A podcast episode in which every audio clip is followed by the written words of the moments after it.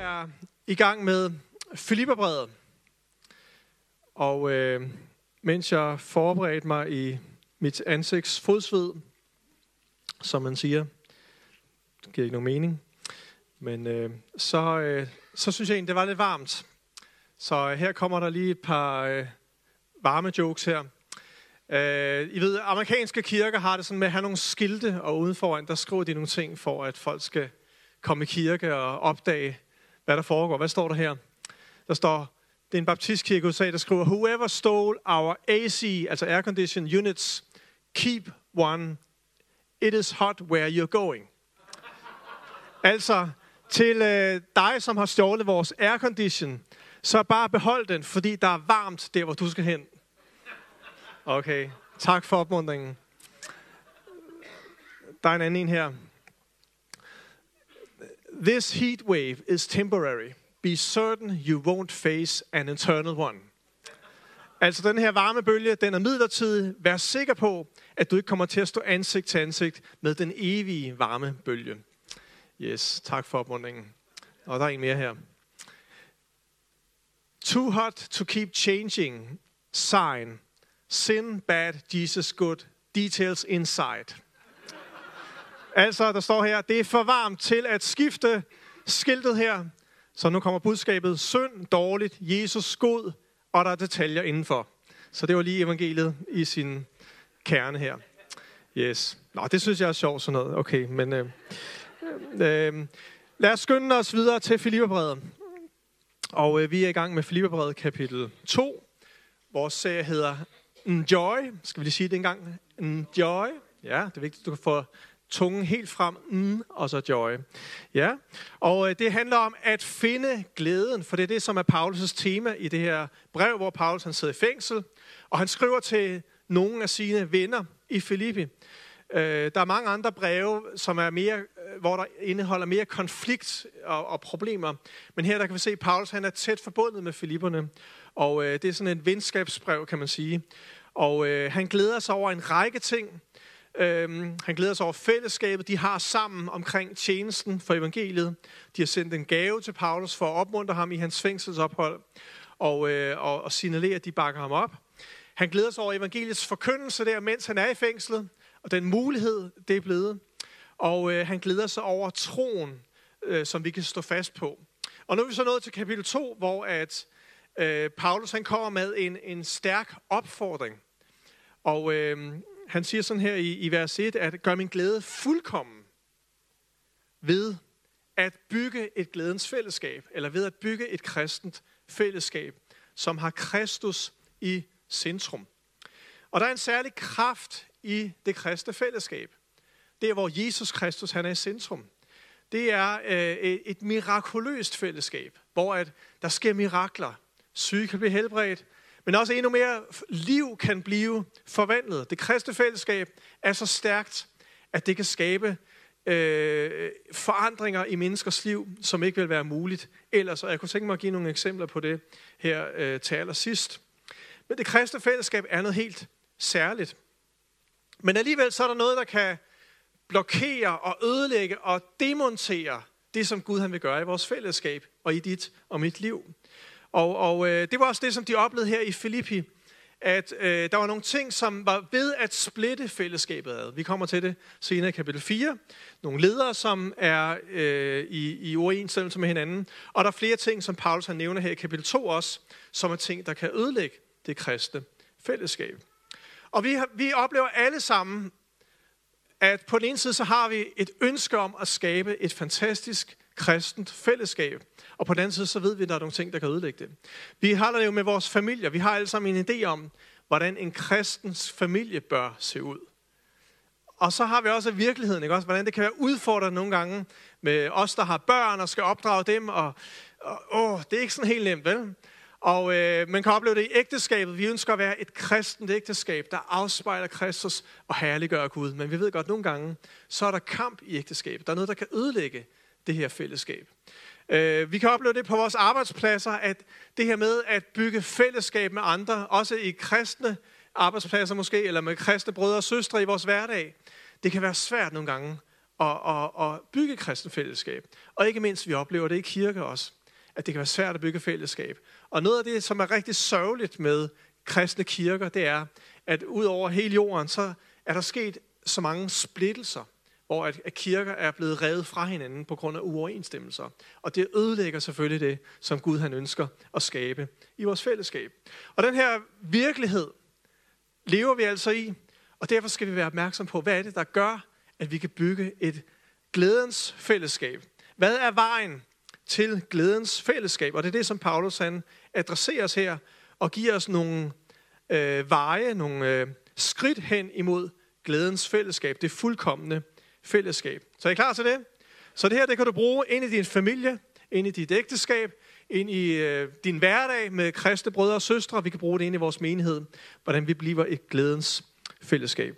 For det første, lad os prøve at se på vers 1-3 og, og læse det sammen. Kan I overhovedet se den her tekst her? Jeg kan knap nok se den selv, og jeg har briller på endda, og står meget tæt på. Men øh, der står sådan her, hvis der trøst i Kristus betyder noget, hvis kærlig opmundring, hvis åndens fællesskab, hvis inderlig medfølelse betyder noget, så gør man glæde fuldstændig ved at have det samme sind, ved at have den samme kærlighed, med én sjæl og et sind. Gør intet af selviskhed og heller ikke af indbilskhed, men sæt i ydmyghed de andre højere end jer selv. For det første så bygger vi glædens fællesskab ved enhed. Vi fremmer fællesskabet ved enhed. Og Paulus han starter med ligesom at argumentere lidt. Det gør han egentlig mellem i sine breve og siger, hvordan kan jeg nu bedst overbevise mine tilhører om, at det her det er vigtigt, og det er noget, vi skal gøre ved. Og derfor så spørger han sådan lidt retorisk her. Hvis der er trøst i Kristus, betyder noget? Er der nogen her, der er blevet trøstet af Kristus? Ja, det tror jeg, at de fleste af os her vil sige ja til. Vi har oplevet noget, som Kristus gjorde i vores liv, og det blev en stor trøst. Hvis kærlig opmundring betyder noget, er der nogen her, der har oplevet kærlig opmundring en gang imellem? Ja, der er nogen, der har oplevet det. Ja. Og øh, det er dejligt. Hvis åndens fællesskab betyder noget, er der nogen, der har oplevet Helligåndens fællesskab, hvor du bare tænker, wow, hvor er det dejligt. Er der nogen, der har oplevet det? Ja, der er også en overvejende del af forsamlingen, der oplevede det. Hver formiddag, når vi mødes her, så oplever vi åndens fællesskab. Vi er en særlig åndelig familie. Vi er Guds børn, alle sammen. Og vi tøller den samme familie, og Helligånden bygger os sammen til et fællesskab. Hvis inderlig medfølelse betyder noget. Det her med, at i Paulus' situation, at, at Filipperne, de havde sendt ham en gave, og de havde en inderlig, de prøvede at vise en inderlig medfølelse med ham. Og, og, og, og Filipper, hvis det virkelig betyder noget for jer, så gør min glæde fuldkommen. Så hvis vores kristenliv virkelig betyder noget for os, og det gør det jo, ellers så, så sad du ikke her, så var du nok på stranden et eller andet sted, eller lavede noget andet. Men hvis det betyder noget for os, siger Paulus, så gør min glæde fuldstændig. Gør min glæde fuldstændig. Det lyder da egentlig dejligt, hvis man kunne have en fuldstændig glæde. Og, og, øh, og det siger Paulus altså, det er, det er muligt at gøre min glæde fuldstændig, og i bund og grund vil din og min glæde også blive fuldstændig, hvis vi oplever det kristne fællesskab lykkes. Og hvis vi oplever den kraft, som er i det kristne fællesskab, så vil vores glæde blive fuldkommen. Og hvordan kan vi opleve det? Ved at have det samme sind, samme kærlighed, en sjæl og et sind. Og det betyder, at, at Paulus han siger, at enhed i den kristne kirke er ufattelig vigtig, for at vi skal opleve, hvem Jesus han er i sin fylde. Også for at mennesker, som ikke kender Jesus, hvordan skal de opdage, hvem Jesus er? Det opdager de ved at se på dig og mig, som hedder kristne, og ved at se på kirken. Og hvis de oplever en masse ting, som, som bare er kødeligt og forkert og ødelæggende, hvordan skal de kunne få øje på Jesus i det? Nej, derfor er enhed så vigtigt, siger Paulus. Fordi så kan vi opleve, hvem Jesus er, og mennesker i den her verden, som har desperat brug for at opleve Jesus på alle mulige måder, de kan opleve det i det kristne fællesskab. Det er ikke det samme som ensartethed. Dan, kan du ikke lige komme herop en gang? Jeg ved ikke, om der er nogen, der har tænkt over det. Er der nogen, der ligesom bemærker noget særligt her? Udover to flotte fyre øh, midt i 40'erne, Øh, og øh, ja, altså vi har ikke snakket sammen her til morgen. Sådan, Dan, hvad tager du på? Nå ja, så tager jeg også. Øh, men vi har simpelthen fået det samme tøj på her i dag. Og øh, jeg, jeg synes også, du klæder dig utrolig godt, må jeg sige, ja. Og øh, ja, også, også briller, det er også øh, cool, ikke? Og øh, det er faktisk sådan, at, at øh, nogle gange, så øh, i hvert fald dansk kone har flere gange kaldt mig for skat. og, øh, og nogle gange øh, kommer vores børn også og siger, at vi ligner hinanden. Jeg troede, det var Dan, jeg troede, det var Leif, og så videre. Nå, men øh, se, det her, det er jo smadret kedeligt. Ikke? Altså, enighed, eller, eller enhed, kristen enhed, er det ikke, betyder ikke, at vi skal ligne hinanden. Det her det er fuldstændig misforstået. Gud han har skabt dig og mig forskellig. Vil du ikke sætte ned igen, Dan? Det bliver simpelthen for kedeligt, det her. Jeg har tre frivillige her, eller fire frivillige, vil ikke lige komme herop. Birgitte og Heidi og Christian. Og øh, Peter, du er lige substitut for... Nej, Simon han er der. Kom, Simon. Tak. Vil ikke lige komme herop en gang? Vi kommer på scenen en gang. Prøv at se her. Den her forskellighed. For det første, forskelligt tøj på, ikke? Uh, vi kunne godt have fået et bredere udsnit af, af ung og gammel her. Men, men øh, lige så forskellige som de her fire pragtfulde mennesker er udenpå, lige så forskellige er de indeni. Og Gud han har skabt forskellighed. Han elsker diversitet. Han elsker forskellige nådegaver, talenter, evner. Han elsker forskellige personligheder. Nu kender jeg dem her. Nogle af dem er udadvendte, nogle af dem er indadvendte. Nogle af dem elsker at være praktiske, nogle elsker at læse bøger, nogle elsker musik, nogle elsker at strikke osv. Så, så kan vi blive ved. Der er en, en fantastisk... Strikke, det var den her. Og Gud har skabt dig og mig med en fantastisk forskellighed. Han har ikke skabt os til at være ens, men han har skabt os til at have enighed. Og, og, og det er der problemet og udfordringen opstår for dig og mig. Fordi hvordan kan vi være forskellige på den ene side, og hvordan kan vi anerkende de ting, som ligger ned gudgivent i os, og samtidig have enighed? Kunne jeg bede om at gøre en, en sidste ting, inden I får lov til at sidde ned? Det er at, at lige gå en tur her frem og tilbage. Ja. Værsgo. Og I må selv bestemme, hvordan, hvordan og hvornår, og bare være jer selv og, og nyde turen. Prøv bare at lægge mærke til her. Nu går det en tur her frem og tilbage. Se, nu er de, nået, øh, de første er nået halvvejs mod målet, og øh, nu vinder de. Se, det er en meget vigtig illustration, det her. Simon, nu skal du ikke komme på afveje. Kom, kom hjem til Jesus igen her. Og, øh, og tilbage igen her. Ja. Læg mærke til øh, den forskellige stil her, og nu får Simon lyst til at løbe. Det er også okay.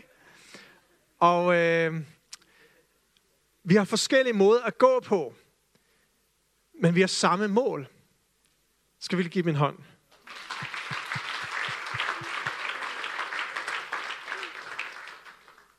Se, udfordringen er, hvis vi tror, vi skal gå på den samme måde, og skal løbe, og skal tjene, og skal opføre os, og skal kunne lide det samme, osv. Men det, der er vigtigt, det er, at vi har det samme mål. Der, hvor enheden den opstår, det er, når vi ved, at vi har den samme vision, det samme mål. At Kristus, han er centrum for vores fællesskab. At tilbedelse af ham er det vigtigste. Ikke at vi bliver kedelige og ens, men at vi udtrykker os hver især med den forskellighed, vi har.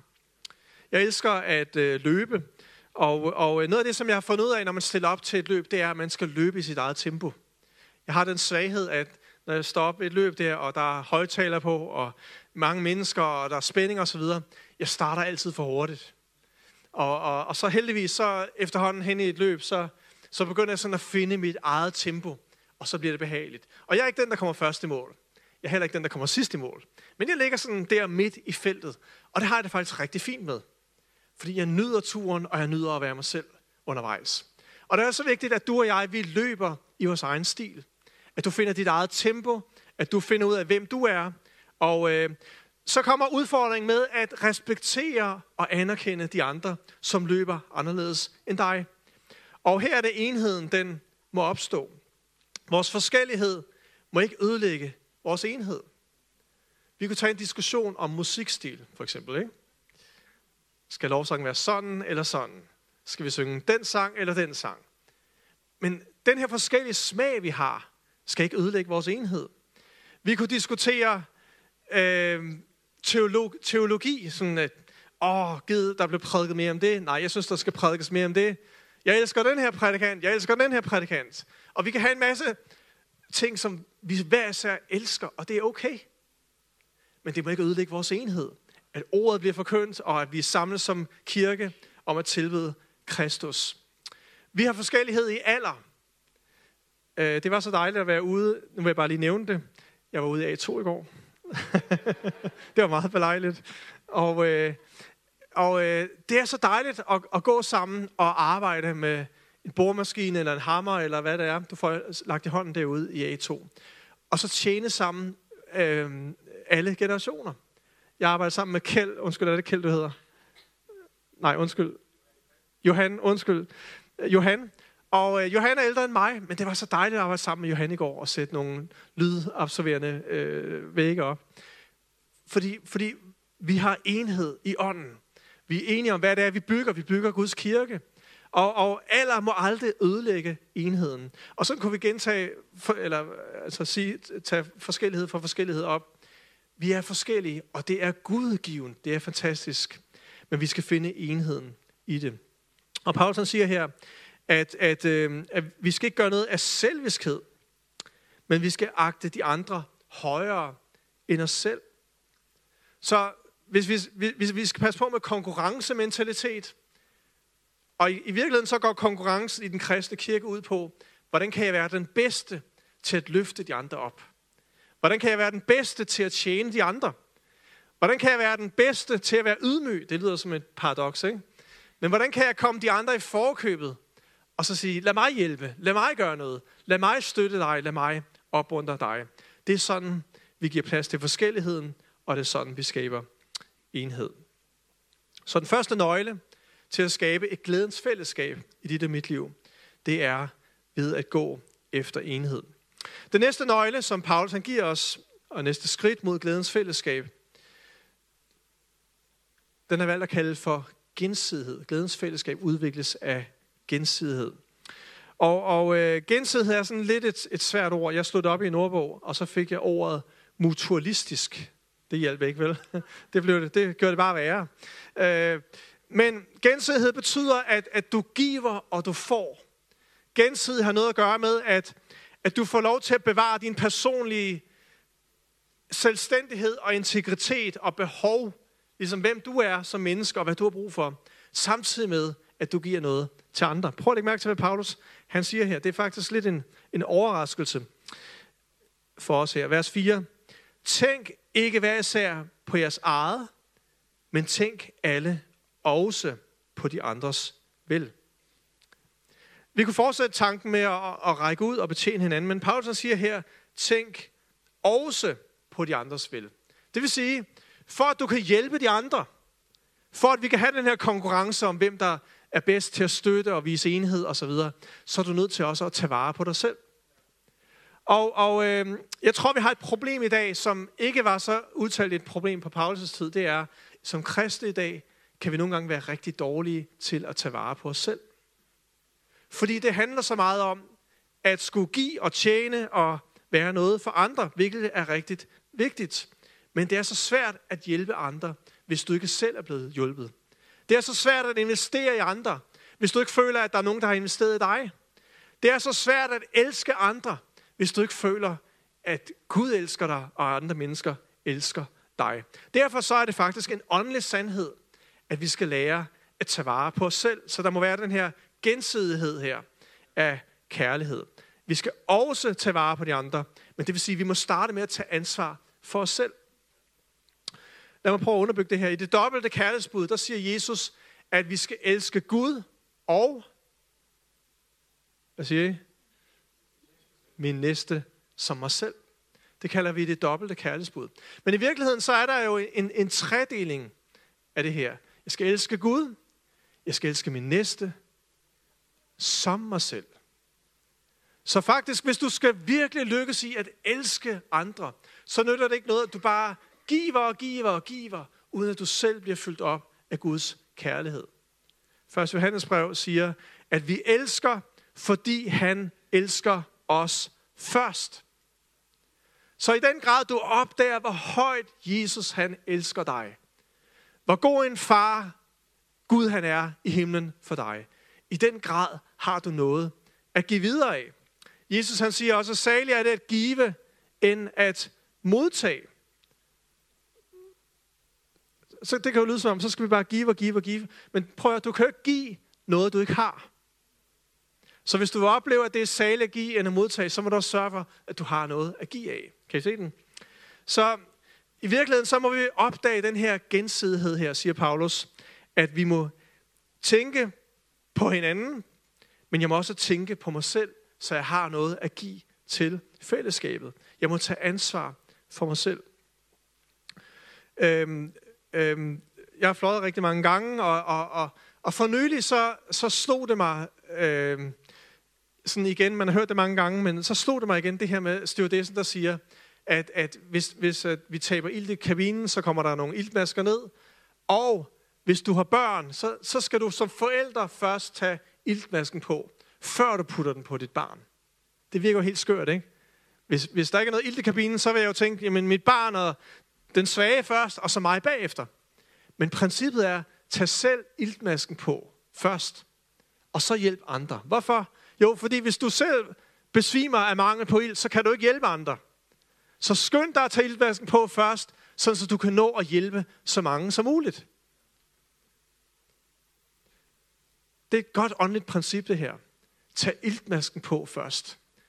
Lær at, at søge Gud for dit eget liv først. Lær at modtage Guds kærlighed, Guds nåde, Guds barmhjertighed over dit liv. Lær at blive fyldt på af Helligånden. Lær at fylde, blive fyldt på af den glæde, som kommer af at have et fællesskab med Kristus. Fordi så har du glæde at give videre af. Så har du kærlighed at give videre af. Så har du et åndeligt overskud at give videre af. Og i øvrigt skal vi ikke vente på, at det åndelige overskud så er der, men, men også mens vi giver, kan vi få lov til at opleve den her gensidighed, at jeg bliver rigere af at give. Og, og, og det, det er i virkeligheden sjældent måske, vi kan opleve os fuldstændig klar til at give, ikke også? Men i det øjeblik, jeg så begynder at gøre det, så oplever jeg også at få noget tilbage og smager Jesus igennem det. Stephen Covey, en kendt uh, managements uh, forfatter, som er død nu, han havde et princip, han kaldte for øh, øh og som også er beskrevet af andre, at vi skal skabe vind-vind. Og det betyder, at, at i vores fællesskab med hinanden, så, så, så dur det ikke noget, hvis jeg bare gør alt, hvad jeg kan, for at du skal vinde, og du skal have det godt, hvis jeg selv oplever tab. Det er vind-tab. Det bliver ikke vind-vind. Men hvis du, hvis du skal lykkes i det her gensidighedens paradigme, så må vi lære at skabe vind-vind. Hvordan kan jeg gøre noget godt for dig? Og i det, der gør Jesus også noget for mig, og jeg oplever mig fyldt på.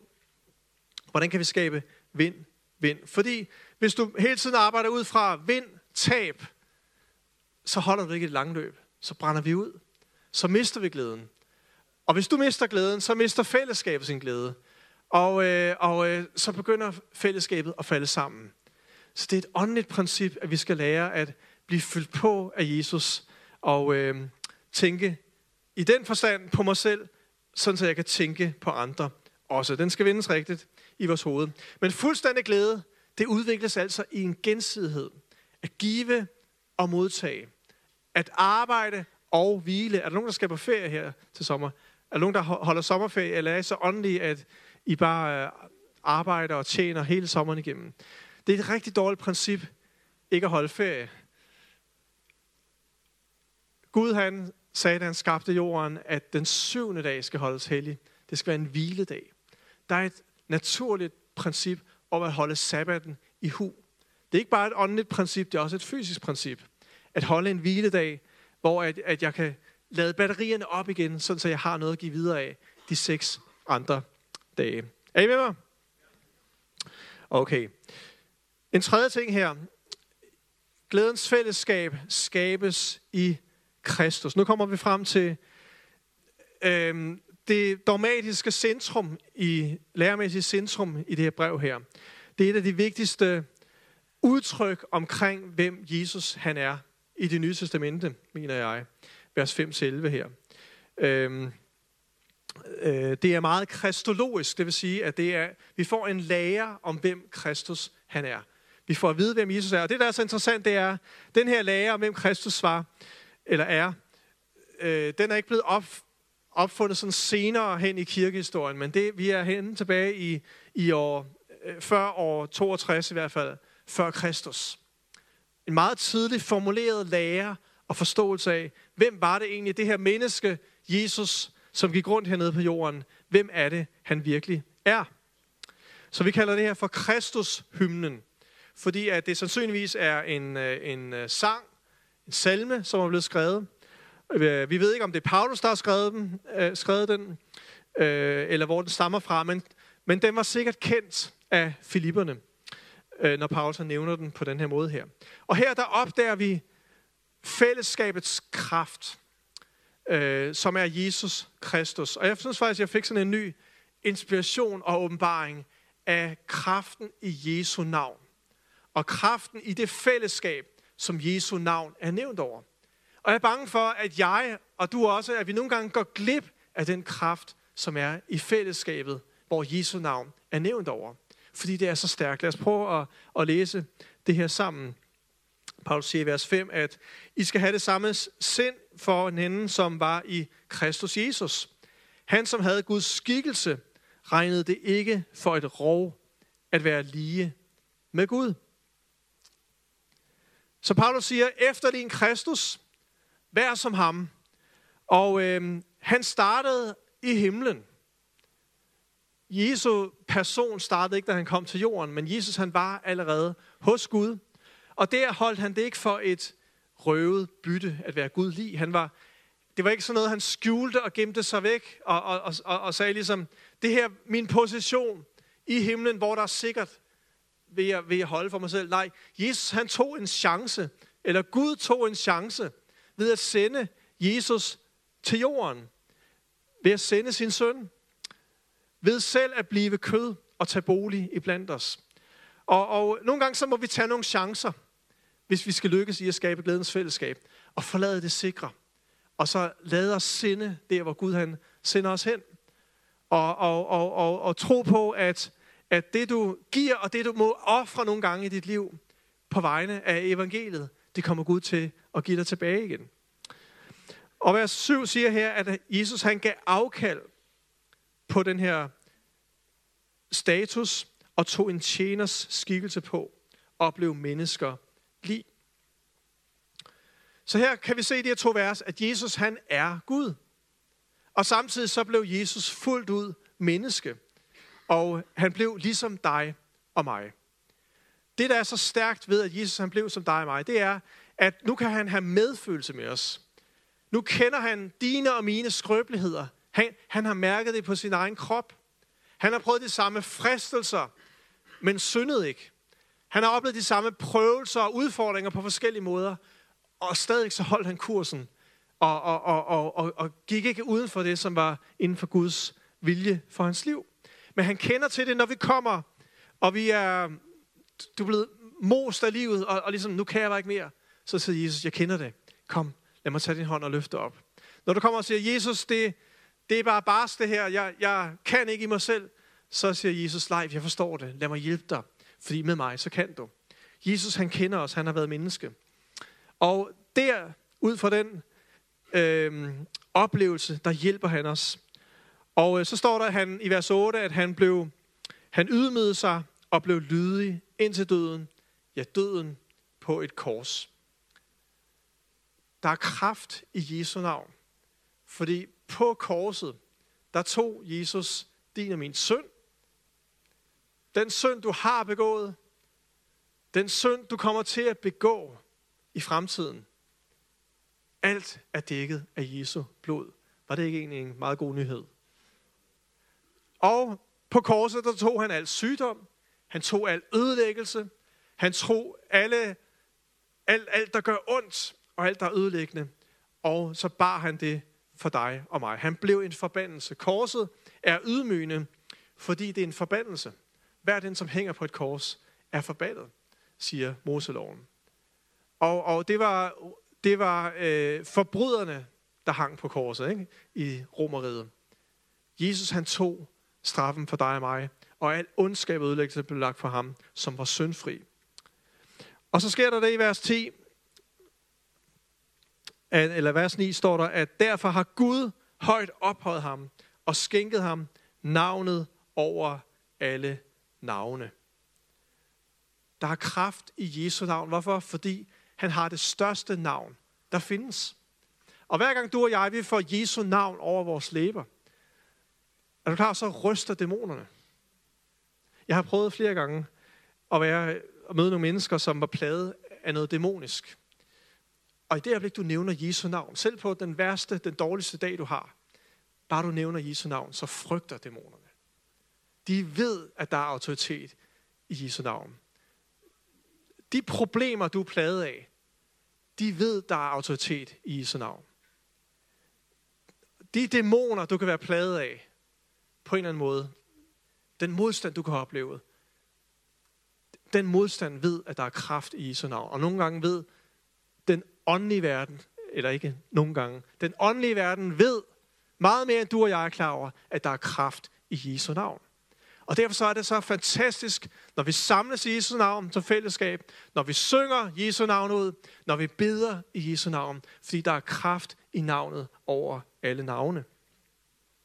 Og vers 10, med det her navn, Gud har givet ham navn over alle navne, for at i Jesu navn hver knæ skal bøje sig i himlen og på jorden og under jorden. Så her siger Paulus, Jesu navn er en universel magt i himlen, på jorden, under jorden. Alle steder, du kan komme i tanke om, der er Jesu navn gældende. Og videre, hvert et knæ skal bøje sig for det navn. Så vi ved også, hvordan tingene kommer til at ende en dag. Ikke nu, men en dag kommer et hvert menneske til at bøje knæ og bekende Jesus Kristus er Herre. Ikke nu, men en dag, der kommer alle dine problemer og udfordringer, du kan komme i tanke om, de kommer til at, at lægge sig fladt ned og, og, og forlade dig, fordi der er kraft i Jesu navn. En dag, der vil den åndelige verden, djævlen og alle hans dæmoner, som også er en åndelig virkelighed i dag, men de vil bøje knæ en dag og, og ligesom falde til ro, og de vil blive bundet og øh, få deres straf, fordi der er kraft i Jesu navn. Det er et fantastisk navn, vi har. Ikke? Det er fantastisk, vi kan nævne Jesu navn. Og jeg tænker nogle gange på, om vi nævner Jesu navn nok ind over vores liv, ind over vores familier. Vi havde en periode i 90'erne, hvor at vi var gode til at proklamere Jesu navn og, og lave det, vi kalder for åndelig krigsførelse. Og, og vi kunne næsten blive sådan lidt overmodige og overglade og, og med det. Men nu er det som om, vi, vi er kommet over i en anden boldgade næsten nogle gange, hvor, hvor vi nogle gange kan glemme at nævne Jesu navn. Vi kan glemme at proklamere Jesus sejr. Vi kan glemme at proklamere, hvem det egentlig vi er i Jesus Kristus, og hvad det er, vi har ret til, og hvilken autoritet og myndighed Gud han har givet os, fordi vi har Jesu navn.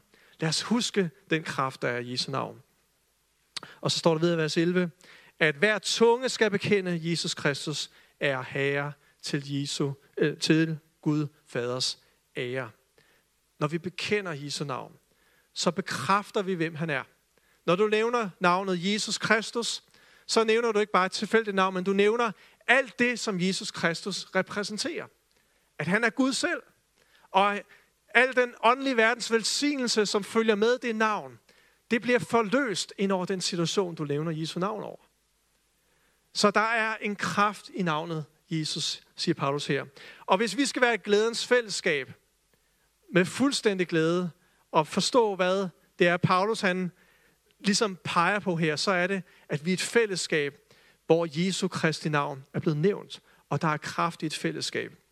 Så det her det handler både om, at vi skal følge Jesu eksempel og, og tage en tjeners skikkelse på, for at skabe et kristuslig fællesskab. Og så handler det her så om den kraft og den frihed, der er i Jesu navn. Og jeg har lyst til bare at slutte af nu med, at, øh, at nævne noget, som har begejstret mig den uge, der er gået her, fordi jeg lærer på mig højskole, en kristen højskole. Og, og det, som har slået mig i den her uge, det er, når jeg har hørt vores elevers historier omkring, hvordan at fællesskabet, som Jesu navn er nævnt over, har forvandlet deres liv. Og når jeg tænker efter, så nogle af de største mirakler, som jeg synes, jeg har set i mit kristenliv, det er egentlig, når menneskers tilværelse er blevet forvandlet. Det kan være dejligt, at nogen bliver helbredt hister her og, og så videre. Skønt. Men det, at et menneskes liv bliver forvandlet og bliver markant anderledes, det synes jeg er det største mirakel, man kan se. Og, og, og det minder mig om, der er sådan en kraft i fællesskabet med hinanden, der hvor Jesus han er nævnt. Øhm, jeg, jeg, jeg kunne nævne for eksempel nogle flygtninge, som vi har haft som elever, som øh, havde en, en tidligere muslims baggrund, og, og, og kommer ind helt dukfriske friske, øh, i forhold til vandringen med Jesus, møder ham, bliver døbt, og, øh, og, og begynder at opdage, hvem Jesus Kristus er. Og det er så dejligt med nogle af de her spørgsmål, de har, som, som du ved, de er så sultne efter at lære Bibelen at kende, fordi de kommer fra en markant anderledes religion.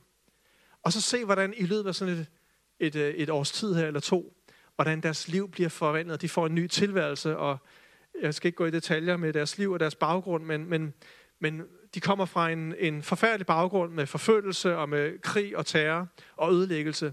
Men det kristne fællesskab, der har de oplevet, de her fyre, jeg snakker om, et nyt liv og en ny familie og en ny kærlighed. Og den her kærlighed og det her møde med Jesus har simpelthen forvandlet deres liv på en markant måde. Jeg kommer til at tænke på øhm, elever, som er kommet, som har tvivlet i deres tro, og hvem de selv er i Gud. Og så opleve, hvordan at øh, vandringen i et kristen fællesskab, hvordan det har styrket dem og givet dem fast grund under fødderne. Og ligesom at, at turde tro på, hvem Gud han er, og turde tro på, hvem de selv er, og, øh, og være klar til at møde livet igen med en ny platform under fødderne. Øh, jeg kommer til at tænke på en, en pige, som øh, har oplevet øh, meget voldsomt øh, øh, et overgreb, og øh, kommer ind også som en ny kristen i det kristne fællesskab. Og, øh, og jeg kan ikke gå i detaljer med hendes situation, men, men bare se den her forvandling fra at være forslået og misbrugt, og så blive elsket, og begynde at få mere og mere frimodighed, og til sidst kunne sætte ord på foran en stor forsamling, det er det her, jeg har oplevet, det er det her, der er mit liv, og der har ødelagt noget for mig, og så opleve, hvordan er det at få det sagt og dele sin livshistorie med mennesker, skaber frihed, skaber øh, sikkerhed og skaber glæde i hendes liv. Øh, to mere. Øh, en, en mand, som hedder Thomas, som kom og var tvivlende over for alt med Gud. Så er det spørgsmålstegn ved alt. Øh, og, og, øh, og flere gange så var man ved at forlade skolen igen. Øh, og så er det så fantastisk at se, når helgenen virkelig få fat i mennesker. Og han blev døbt med helgeren, begyndte at tale i tunger, og han blev mere og mere sulten efter Guds ord. Og for en uge siden var jeg i Tjekkiet sammen med ham, og I skulle se, han, han var et helt nyt menneske i forhold til for et år siden, fordi han gik rundt og profeterede over folk. Og han, han øh, var så aktiv i den kristne tro, og så sikker i sin tro, at det var som at, at have et, med et helt andet menneske at gøre. Det vil han sige også, hvis han har været her i dag. Og til sidst har jeg lyst til at nævne en mand, som har lidt af skizofreni i, i, i over 15 år. Og, øh, og øh, masse andre diagnoser. Og, og, og selvfølgelig havde fået øh, piller, medicin for det. Og her i løbet af det her skoleår her, der har han så oplevet, hvordan at han har kunnet trappe ned mere og mere og mere. Sådan så han for nogle få måneder siden kunne sige, at nu har hans psykiater sagt, at nu skal han ikke spise piller mere. Nu er det slut. Han lagde pillerne på hylden, og han, han har været fri lige siden, og han er glad, og han er selvfølgelig dybt taknemmelig. Det er mirakler. Det er mirakler. Og jeg bliver så begejstret over at se menneskeliv og skæbner, som bliver forvandlet på grund af det kristne fællesskab, på grund af den kærlighed, vi har sammen, på grund af den enhed, vi har. Vi, vi er på vej den samme vej. Og på grund af, at vi er villige til at investere i hinanden. Og det kan jeg kun gøre, fordi jeg har noget at give af. Fordi jeg selv er blevet fyldt op. Og hvor kunne jeg drømme om, at vi her i Aalborg kunne skabe sådan et fællesskab, hvor at vi oplever fuldstændig glæde. Et fællesskab, som Jesu navn er nævnet over.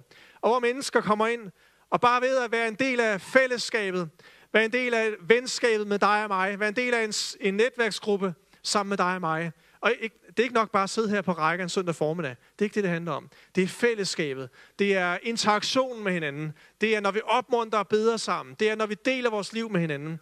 Det er, der er der en kraft til forvandling, når vi gør det i Jesu navn. Så skal vi gøre det. Bygge et glædens fællesskab og, øh, og nævne Jesu navn over vores fællesskab. Lad os bede sammen. Skal vi stå op? For